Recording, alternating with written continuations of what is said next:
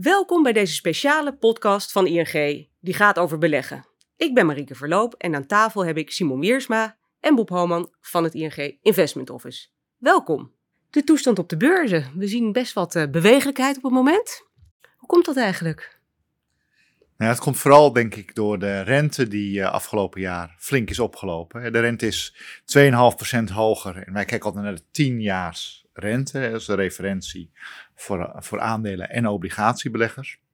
En die staat 2,5% hoger. Komt natuurlijk door inflatie en de reactie erop van centrale banken om de rente te verhogen. En dan passen aandelenkoersen zich aan, want zoals de meeste uh, beleggers weten, uh, rente is een heel belangrijke factor voor aandelenbeleggers, omdat rente een alternatief is. Hè. Toen de rente een jaar geleden nul of zelfs onder nul was, ja, was dat eigenlijk geen alternatief. Nu weer wel. En ook, en dat is misschien wat technischer, maar om aandelenprijzen te berekenen, uh, verdisconteer je de winsten met de rente. En dus verreken je de toekomstige winsten met de rente. Dus hoe hoger die rente is, hoe minder de winst in de toekomst waard wordt. Dus ook hè, in het theoretische model, bij een oplopende rente, dalen aandelenkoersen. En eigenlijk zie je dit jaar in mijn ogen um, en dat is ook weer een beetje theoretisch. En ik denk dat de eh, hoogleraren aan de universiteiten een heel mooi jaar hebben wat dat betreft. Want normaal gesproken gedragen markten zich echt niet volgens de theorie. Maar dit jaar heel erg. En kan je eigenlijk zeggen, ja, die 2,5% rentestijging is precies wat we in een koersdaling van, nou wat is het, 20, 25% voor aandelen over het algemeen. Um, dat je, wat je daarin terugvindt. En misschien dan de meeste beleggers in Nederland zullen minder verlies hebben dan dat, omdat we, de aandelenbeurs, vooral de, wereldwijde aandelenbeurs, is toch vooral Amerikaanse aandelen. En de dollar staat 15% hoger. Dus dat is voor Europeanen op dit moment wel een, een heel groot voordeel. Ja, ik lees zelf, en jullie waarschijnlijk ook, op dit moment uh, in de pers, in de media, echt behoorlijke negatieve verhalen over beleggen, over aandelen beleggen. En ik vroeg me eigenlijk af, is dat nou terecht of is het, wordt het ons een beetje door de media aangepraat? Uh, Simon, hoe zie jij dat? Nee, ik denk dat als je kijkt naar de basis voor beleggen, dan is het natuurlijk wel ook om te kijken naar de ontwikkeling van de economie. Ja, want je kunt je voorstellen dat bedrijven heel moeilijk meer winst kunnen maken in een omgeving waarbij we spreken of afgaan op een recessie. Want dat is wel de verwachting, dat is waar je op doelt, neem ik aan. Um, nu is het zo dat die recessie angst uh, vooral voortkomt uit de gedachte dat die centrale banken die de inflatie moeten bestrijden, want inflatie is nu dubbelcijferig in een uh, groot deel van de wereld, um, dat die uh, centrale banken uiteindelijk de economie zo hard gaan afremmen met het verhogen van die rentes, dat we ook inderdaad in een recessie komen. Uh, en in zo'n omgeving is dat voor bedrijven, voor heel veel bedrijven, is dat moeilijk om, om hogere winsten te maken. Nu is het wel zo dat die inflatie waar we over spreken, en dus die hogere prijzen waar we mee te maken hebben, dat een aantal bedrijven die wel door kunnen berekenen. En dat zien we dan ook weer terug in de winsten van die bedrijven. Dus daar zit ook een deel van die inflatie in opgesloten. Het gekke is dan ook, is dat als je kijkt naar de winsten en de winstverwachtingen van bedrijven, daar is eigenlijk niets mee gebeurd gedurende dit hele jaar. Maar wat Bob net zei, het zijn vooral die waarderingen, hè, de koers-winstverhoudingen die onder druk zijn gekomen als gevolg van die hogere rentes. Dus dat is inderdaad, ondanks al het slechte nieuws in de wereld, is het goede nieuws nog wel dat bedrijven nog steeds meer winst maken dan een jaar geleden bijvoorbeeld. Ehm, terwijl de afzet van veel bedrijven wel iets is gedaald, hè, want de koopkracht is natuurlijk zo teruggevallen dat mensen gewoon minder producten kunnen kopen. Maar die kopen ze wel tegen een hogere prijs. Hè. Dus de omzet eh, en de winst daarmee valt over het algemeen uh, niet terug. En dat is denk ik voor, en zeker voor de toekomst, voor aandelenbeleggers. Als je ook nog een beetje veronderstelt dat die rente zo ongeveer nou, in onze visie zo'n hoogtepunt wel, uh, wel nadert, geeft dat toch ook wel weer wat lucht voor de toekomst. Ja, want die, die rente die wordt dus ingezet om zeg maar de inflatie te beperken. Kun je heel kort uitleggen hoe dat dan precies werkt? Gaan we proberen. nee, want wat we natuurlijk gezien hebben nadat de economie opengegaan is, hè, als gevolg van het verdwijnen van alle coronamaatregelen, is dat mensen weer konden besteden, hè, geld wat ze de afgelopen jaren hebben gespaard. Tegelijkertijd waren er problemen met de toeleveringsketens, dus hè, het was moeilijk om aan spullen te komen. Dus vandaar dat de prijzen de lucht in schoten. En wat je dan ziet, als dat, dan, als dat gebeurt in een, hele, ja, in een heel hoog tempo, dat uiteindelijk ook mensen meer loon gaan vragen ter compensatie.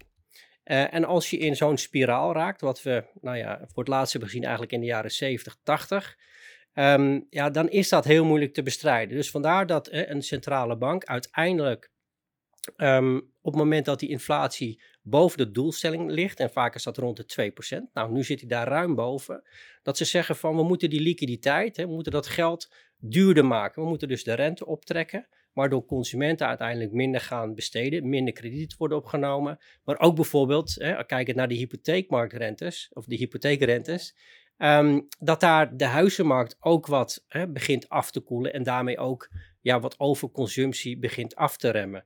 dus uiteindelijk zie je dan dat ja, door het verhogen van de prijs van geld, het optrekken van rentes, een economie af gaat koelen. Ik denk dat de Amerikaanse centrale bank zelf dat echt heel mooi gezegd heeft laatst. Die hadden berekend, wij denken dat er 2% meer vraag is dan er op dit moment aanbod is. Dus we moeten de vraag met 2% terugbrengen door de rente te verhogen. En bij hoge rentes is het ook moeilijker om bijvoorbeeld investeringen te doen. Het wordt aantrekkelijker om spel, geld op je spaarrekening aan te houden. Hè. Dus je haalt wat vraag weg uit de economie. Nou, als je die 2% overbrugd hebt, dan zou de inflatie moeten terugvallen, mits er geen loonprijsspiraal is uh, ontstaan. Maar zoals Simon zegt, dat lijkt op dit moment niet zo. Je ziet toch echt duidelijk koopkrachtverlies, waarbij lonen wel omhoog gaan, um, maar niet zoveel als de inflatie. Ja, en deze inflatie en het bestrijden ervan, zijn dat dan de twee oorzaken die tot een recessie leiden uiteindelijk? Uiteindelijk is op dit moment, als we kijken naar de inflatie die echt extreem hoog is, echt historisch hoog met 10%, hoogst in 40 jaar in, uh, in veel gebieden. Uh, en met name de mate waarin centrale banken de geldkraan, zoals ik het dan altijd noem, dichtdraaien, uh, kan dat leiden tot een, ook een versnelle teruggang van, van economische activiteit en daardoor ook een, ook een recessie. Het moeilijke is, is dat het niet te voorspellen is, niet voor economen, maar voor ons ook niet, hè, hoe snel dan die teruggang zal zijn hoe diep die uh, recessie zal zijn en hoe lang het gaat duren.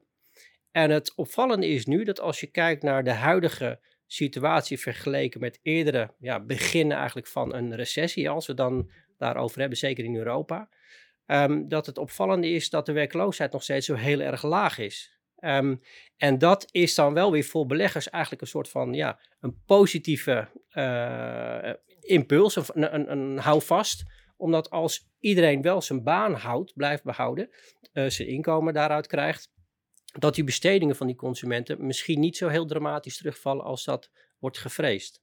dus dat is wel een scenario wat zou kunnen.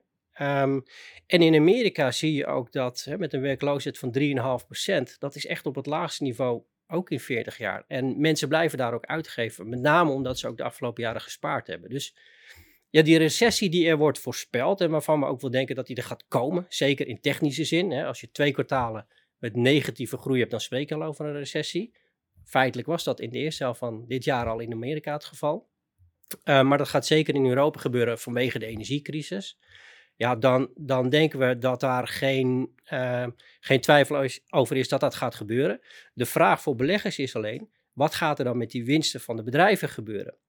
Een economische recessie hoeft geen dramatisch, dramatische gevolgen te hebben als er geen winstrecessie is. dus als er, sprake, als er sprake is van negatieve winstgroei bij bedrijven. En dat zit nu nog niet in de pen van analisten. Analisten zijn eigenlijk nog redelijk, nou ja, ik wil niet zeggen optimistisch, maar gematigd negatief, laat ik het zo zeggen.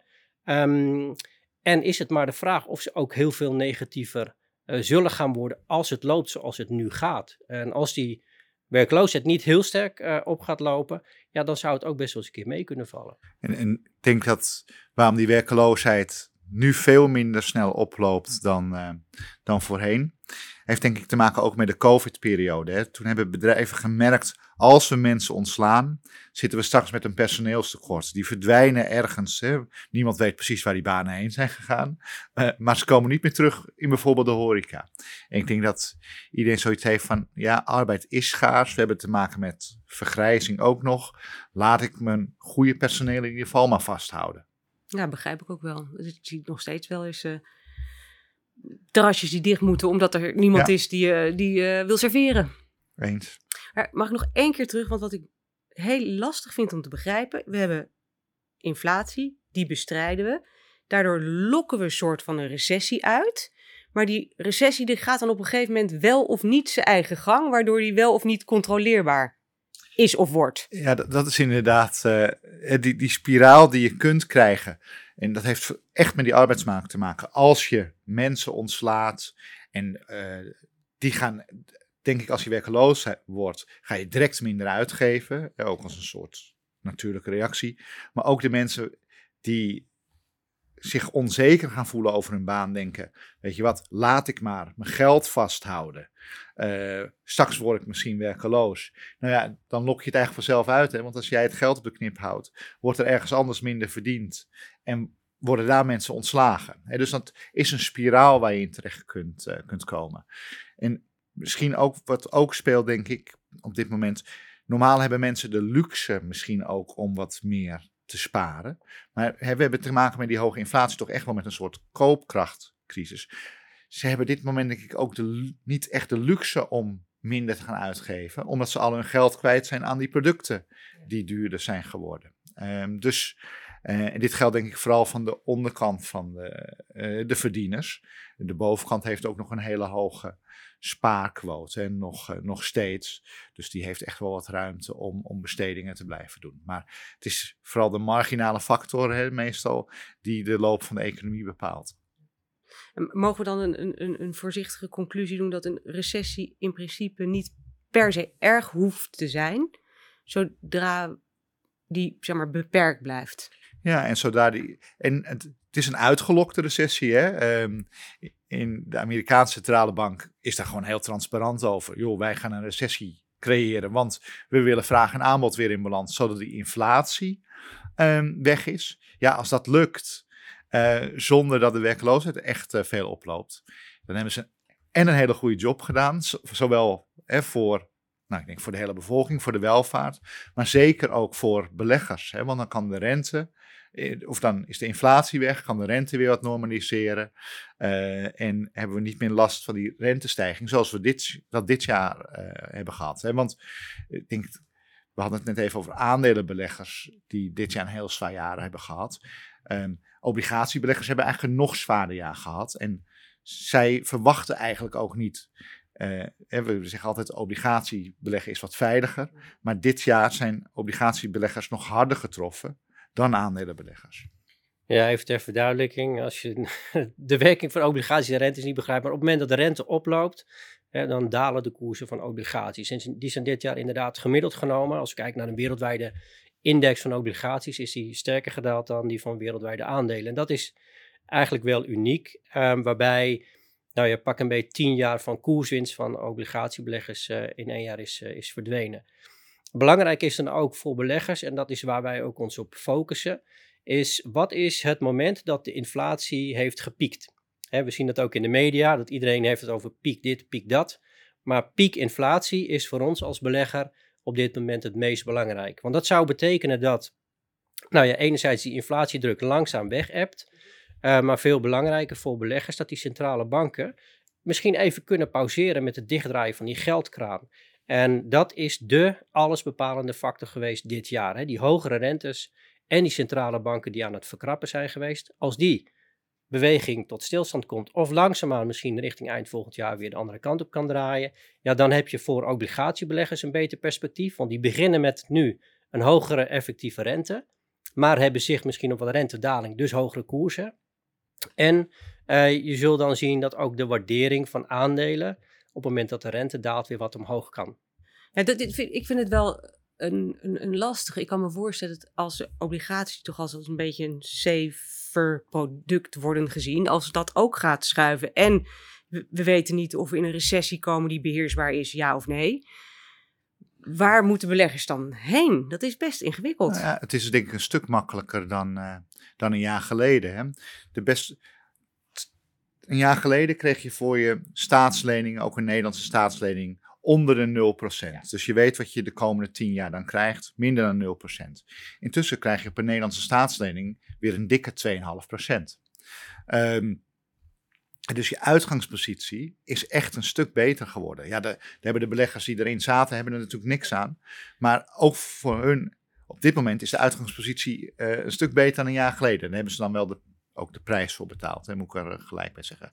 Geldt eigenlijk ook voor aandelen, hè, waar je het winstrendement op aandelen is eigenlijk nog precies hetzelfde als een jaar geleden. Dat is een dikke 5%, wat je extra krijgt op de rente. Maar de rente was toen 0 of onder 0 en is nu 2,5%. Dus ook hun totaal verwachte rendement voor de komende jaren is weer fors uh, omhoog gegaan. Ook door die koersdalingen uh, uiteraard.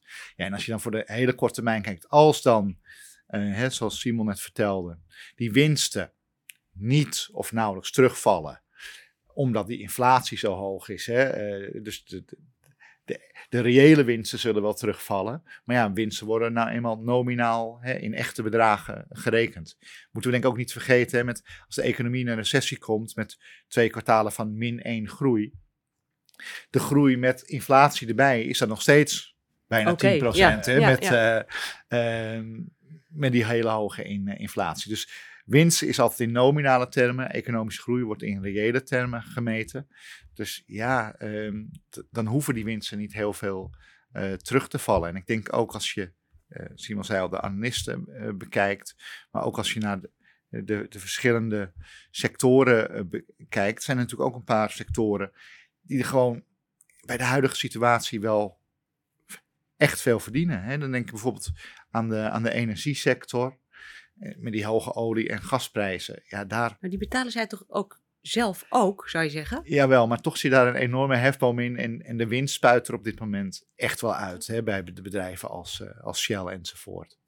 Um, geldt natuurlijk ook wel een beetje voor uh, de banken. Hè. Bij stijgende rente verdienen banken over het algemeen iets meer. Geldt denk ik ook wel voor bedrijven in de gezondheidszorg. Medicijnen, ook als het economisch minder gaat worden, echt niet minder verkocht. Maar die prijzen gaan wel omhoog. En dus um, het is, het is niet alleen maar slecht. Nou, wel in de waardering uiteraard. Maar um, in elke economische cyclus zijn er toch ook altijd wel bedrijven, en daar beleg je uiteindelijk in, die geld weten te verdienen. Ja, en ik denk ook dat hè, inflatie in de basis uh, goed is hè, voor de winstontwikkeling van, uh, van bedrijven. Want Waar we nu in zitten is dus hè, die extreem hoge inflatie die bestreden moet worden met hogere rentes. Maar als je een inflatie hebt van om en nabij de 2%, hè, dat is het niveau waarbij de ECB of andere centrale banken ook zeggen van nou, dat vinden we een ideale uitgangs, uitgangspunt. Want dat zet mensen ook aan om te blijven investeren. Hè, omdat ze weten dat ja, als ik het morgen doe, wordt het duurder. Uh, en die inflatie, um, je ziet ook dat de trend van die inflatie, die houdt gelijke voet met de winstontwikkeling van bedrijven. Uh, omdat daar in die prijzen zit inderdaad ook een deel van die inflatie. Dus vandaar dat we ook zeggen, in een normale situatie, dus met een inflatie van net boven nul een paar procent, ja, zijn aandelen eigenlijk de beste bescherming tegen die inflatie, omdat heel veel bedrijven er ook van kunnen profiteren. Hè, denk aan supermarkten, waarbij als we bij de kassen staan af te rekenen, denk je, jeetje, potjandori, dat is duur. Hè? Tegelijkertijd zou er ook een belletje moeten gaan eh, rinkelen in jou, of nou, als ik daar nou eens in ga beleggen, dan kan ik in ieder geval een beetje mee profiteren van die extra winsten die ze soms toch ook laten zien. Want een aantal bedrijven die hebben ook die inflatie aangegrepen als argument om niet alleen de prijzen te verhogen, maar ook nog een heel klein beetje extra marge te pikken. En ja, aan onze taak om die bedrijven eruit te halen, hè, dat is in het makkelijkste geval was dat voor de aandelen uit de sector energie, hè, de olie. Uh, gerelateerde bedrijven, maar er zijn ook andere bedrijven die daarvan uh, profiteren. En levensmiddelen horen daar dan ook Zeker, maar dat brengt me ook uh, bij volgend jaar. Hè, als je kijkt naar van, ja, wat zijn dan de verwachtingen een beetje, is dat op het moment dat die rentes gepiekt lijken te zijn, hè, want dat is natuurlijk altijd maar hè, moeilijk, je kunt dat niet heel makkelijk bepalen van dit is het moment. Uh, maar als we daar een, een draai in zien, dan, ja, dan zullen ook onze voorkeur en onze focussen van bedrijven zal wat gaan verleggen van, we noemen dat waardeaandelen, hè, die eigenlijk altijd in staat zijn om cashflow te genereren en mensen te genereren naar bedrijven die dat juist in de toekomst doen.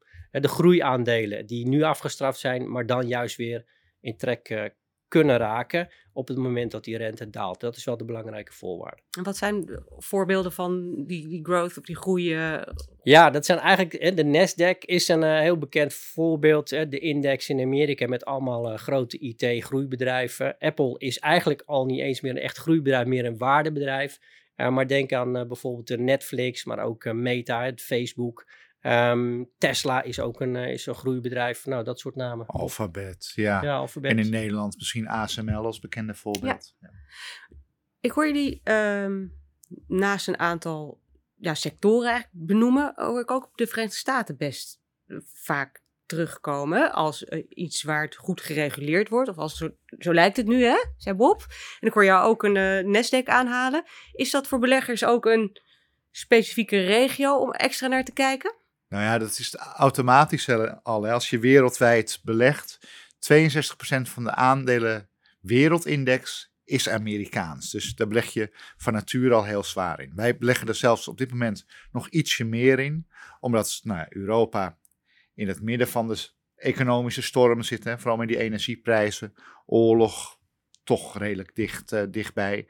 Um, en, eh, maar ik moet daarbij gelijk ook zeggen, Amerika doet het al sinds de financiële crisis duidelijk beter dan alle andere blokken in uh, de wereld. Dus er komt ook wel weer een keer een moment dat dat uh, draait. Maar ja, op dit moment nog, nog niet. Hè. Het is inderdaad ook als je erover nadenkt, oké, waar zitten de bedrijven die echte toekomst hebben? Nou, dan kom je vast wel tot een paar Europese namen, maar tot veel meer Amerikaanse namen. Hè. De, de dingen die wij met z'n allen dagelijks gebruiken, hè, van Microsoft op je computer tot, uh, tot Google om iets op te zoeken. Ja, het is allemaal Amerikaans. Ja, en we moeten niet vergeten dat we hadden het net over Amerikaanse aandelen in euro's omgerekend. Hè? Want we hebben een stuk dollarwinst te pakken van pak een beetje 15%. Um, hebben Amerikaanse aandelen het relatief goed gedaan. Maar in, ja, in gewone dollarkoersen gerekend heeft de Amerikaanse beurs het echt wel slechter gedaan nog dan de Europese. Juist omdat daar hè, de weging van die IT-aandelen zo zwaar is en die heel zwaar onder druk zijn gekomen. Dus op het moment, nogmaals, dat die rente of beter gezegd, de inflatie gepiekt lijkt te hebben. De rentes langzaamaan wat kunnen gaan dalen. Centrale banken ja, de voet van het rempendaal kunnen gaan halen. Ja, dan worden dat soort bedrijven wel weer interessanter tegen de huidige waarderingen. Ja, belangrijke toevoeging. Ja. ja. En misschien over rentepieken. Wanneer over het algemeen piekt de, de rente waar wij naar kijken, die lange 10 jaar rente, die piekt ongeveer bij de één na laatste verhoging van centrale banken. Nou, uh, daar zijn we nog net niet, denk ik. Maar dan ben je wel begin volgend jaar ergens. Dus hè, we, we, zijn nu aan het kijken van oké, wanneer gaan we die bijvoorbeeld die draai van uh, meer waarde naar groei maken. Dat heeft namelijk ook heel erg met die rente te maken. Ja, dan eh, markten lopen altijd iets, weer daar iets op vooruit, hè, op die rentecyclus. Dus ja, het, zijn wel momenten ook waarop volgens mij dingen echt, um, echt veranderen. Ja, want jullie komen elk jaar met een uh, beleggingsvisie hè, op, het, uh, op het komende jaar. Dat is ergens in november meestal. Ja, half november. Half november. Ja. Maar als we zeg maar nog even wachten met, uh, met, met wat jullie volgend jaar zien gebeuren. Wat, wat kunnen we dan zeg maar van nu tot aan de kerst voor beleggers nog voor interessants verwachten? Waar, waar, waar letten jullie op? Nou ja, dat is natuurlijk wel heel, heel spannend. Maar uh, om voor zo'n korte termijn iets te zeggen. Maar je zou kunnen zeggen, ik denk dat het sentiment zo slecht is hè, op dit moment. Uh, dat degene die er. En, die omgeving is natuurlijk ook heel slecht. Je zei net ook al, als je de kranten leest, er is nooit nergens een positief bericht. Dus alle mensen die echt niet meer zien zitten op, op financiële markten, die zijn er zo langzamerhand wel uit. Nou, als dan de kwartaalcijfers die nu een beetje loskomen, uh, over het algemeen mee gaan vallen. En daar gaan wij eigenlijk wel een beetje vanuit. Nou ja, zou je misschien toch nog uh, een kwartaal dit jaar kunnen krijgen waarbij koersen positief zijn in plaats van negatief. Dat gaat lang niet dat hele jaar goed maken, hè. laat ik dat voorop uh, stellen. Maar we zijn ook blij als we hè, iets van een bodem gezien hebben. En als je dan kijkt naar, stel dat, het nog een beetje omhoog kruipt, hè, met positieve waarderingen of positieve bedrijfscijfers, dan krijgen we dit, of in ieder geval het eerste stuk van komend jaar, nog wat renteverhogingen, hoor ik jullie zeggen? Ja, dat is door de markt al ingeprijsd. Hè? Want dat is waar veel mensen misschien een beetje aan voorbij gaan. Is dat natuurlijk wordt gesproken van die rentes gaan omhoog. Dat klopt, hè? want dat is ook iets waar analisten en beleggers rekening mee houden. We, zien dat ook in de marktprijzen en dan technische termen in de futureprijzen. Dus die worden al ingeprijsd. Uh, dus heel veel van dat, ik het zo zeggen, negatieve nieuws vanuit het rentevlak hè, vanuit centrale banken zit al in de markt ingeprijsd. Dus als je het hebt over waar kijk je dan de komende weken, maanden vooral naar, richting het eind van het jaar. Wat we als beleggers graag zouden willen zien, is dat die enorme schokbeweging op de obligatiemarkt, die rentesprongen van soms wel een half procent per dag, hè, uh, laatst zagen we dat in Engeland, ehm, dat dat wat afvlakt. Dat beleggers ietsjes uh, stabieler reageren ook op macro-economische cijfers, maar ook dat die rentebewegingen wat minder groot worden. En dan heb je ook de kans dat we dichter bij die piek zitten, hè, waar we het de hele tijd over hebben, en je dan in een wat rustiger vaarwater komt, waarbij we ons weer kunnen focussen op wellicht wat hogere waardering en winsten die langzamerhand stabiliseren tot misschien weer wat groeien, ook in een economische, reële recessie. En daaraan gekoppeld waarschijnlijk beter sentiment of meer beleggersvertrouwen ook, wat, wat, wat de boel stabieler houdt. Ja, want nu zijn we um, eigenlijk negen maanden of eigenlijk zelfs langer bezig geweest met uh, het verwerken van iedere keer de dreiging dat centrale banken de geldkraan verder dicht gaan draaien. En we zitten nu dicht tegen het moment aan dat ze daarmee stoppen, dat ze daarmee klaar zijn. En misschien alweer denken om het langzaamaan weer wat open te draaien. Dus we, ja, als belegger kijken we altijd 6 tot 12 maanden vooruit. Um, als het zo is dat de markt gelijk heeft, en daarmee bedoel ik dat ze in maart de piek van de beleidsrente in Amerika verwachten, ja, dan zou dat het moment zijn waar je op moet focussen. En eigenlijk daarvoor, eind dit jaar, begin dit jaar, misschien wat meer risico in portefeuilles kunt nemen. Ja, want ik denk, we hebben het ook, die visie al een klein beetje gesproken ook, dat we eigenlijk met z'n allen wel eens zijn van door die rente gaat gedurende volgend jaar ook weer zakken. Aandelenkoersen kunnen dan wat uh, herstellen. Alleen wanneer is dat exacte dieptepunt? Was dat gisteren al of is dat pas over twee of drie maanden? Dat is dan, uh, dan de vraag. Maar ik denk voor veel beleggers ook hè, was, um, is ook de vraag van, ja, moet ik nu nog verkopen uh, om later terug te kopen. Nee, dat, dat, als je dat al wilt, en dat heeft over het algemeen weinig zin. Maar dat dat punt is, uh, is geweest. Hè? Dus ik denk dat het meest wijze voor beleggers altijd is van je bent erin voor die lange termijn. Daar horen ook dit soort uh, periodes bij. Ja, er zitten natuurlijk. Je gaf net zelf aan dat er in, in ieder geval delen van de samenleving nog veel spaargeld verstopt zit. Dus dat is misschien ook nog wel iets om over na te denken. Of je daar dan, als je wil gaan bewegen een keer, of dat dan in de komende maanden moet uh, plaatsvinden. Een goede vraag. En wat je, als je kijkt naar, uh, dat wordt redelijk goed gemeten, hè, hoeveel cash professionele beleggers uh, langs de zijlijn hebben staan en niet in de markt hebben zitten. dat is ongekend groot. Hè. Dat is het grootste sinds 2001. 2001 zelfs, ja. ja. dus als het dan weer een keer draait, kan het ook best snel gaan. Want dan wil, loopt iedereen natuurlijk weer ook achter het, hetzelfde aan. Ja. ja. ja. Dus de kunst is om dat een beetje voor te zijn misschien. Ja, en ik denk als, als je er zorgt dat je erin blijft, dan ben je dat voor een deel al voor. Oké, dus als we nou proberen samen te vatten wat jullie net zeggen, hè, dan is het een recessie is niet per se erg als die binnen de perken blijft. Uh, renteverhogingen komen er nog wel, uh, maar we weten, een deel is al ingeprijsd, dus we weten niet precies wanneer er een, een piek komt of al is geweest. Maar je zit er wel redelijk dichtbij. Dus ja. rondom dit moment.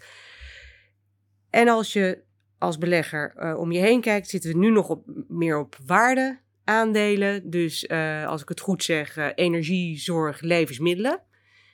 En als je straks het, het, keerpunt komt, dan zou je kunnen kijken naar, naar wat meer growth aandelen. IT-achtige IT-achtige zaken. En dat is uh, eigenlijk in een nutshell wat, uh, waar we het net over hebben gehad. Ja, ik denk dat je het heel goed samenvat. Dankjewel. Ja. Zijn er nog dingen die jullie willen toevoegen, delen, waar, die ik vergeten ben te vragen? Nee, maar ik, één ding wat ik altijd wel um, heel treffend vind, ook als je dat mensen laat zien, hè, uh, je eigen emotiecyclus Hè? Waarbij uh, het dieptepunt van je emotie uh, vaak het moment is dat het ergst op de markt al is geweest. Ik denk dat voor beleggers wel nou ja, een ding is waarbij ze zichzelf even moeten afvragen van hoe zit het nu met mijn emotie? Zit ik al op het dieptepunt? Nou, dan heb je waarschijnlijk het dieptepunt in de markt ook wel gehad. En dat is dan nou ja, een positieve noot waarmee we willen afsluiten. Um, lijkt mij voor deze podcast. Ja, nou ja, ik, ik, ik wilde eigenlijk niks meer zeggen, maar toen jij dat zo zei, dacht ik nog één ding. Wat je, wat je ziet, hè, als je een grafiek, uh, zolang aandelenmarkten bestaan en gemeten worden, dus volgens mij vanaf 1870 zo'n beetje, kan je een perfecte lijn trekken tussen de winsten van de bedrijven en het koersverloop van die bedrijven samen. Hè. Dus sommige mensen zeggen wel eens, eh, die beurs is allemaal speculatie. Nee, daar zit echt dat verband tussen. Maar soms zijn die prijzen wat boven de winsten in die lijn en soms zijn ze wat onder.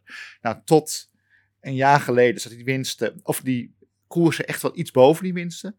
Nu zitten ze op die lange lijn, uh, de koersen weer iets onder de winsten. Dus dat is op zich een, mooi, komt natuurlijk door die rente ook, hè, die daar verder invloed op heeft. Maar op zich wel een mooi, uh, mooi teken.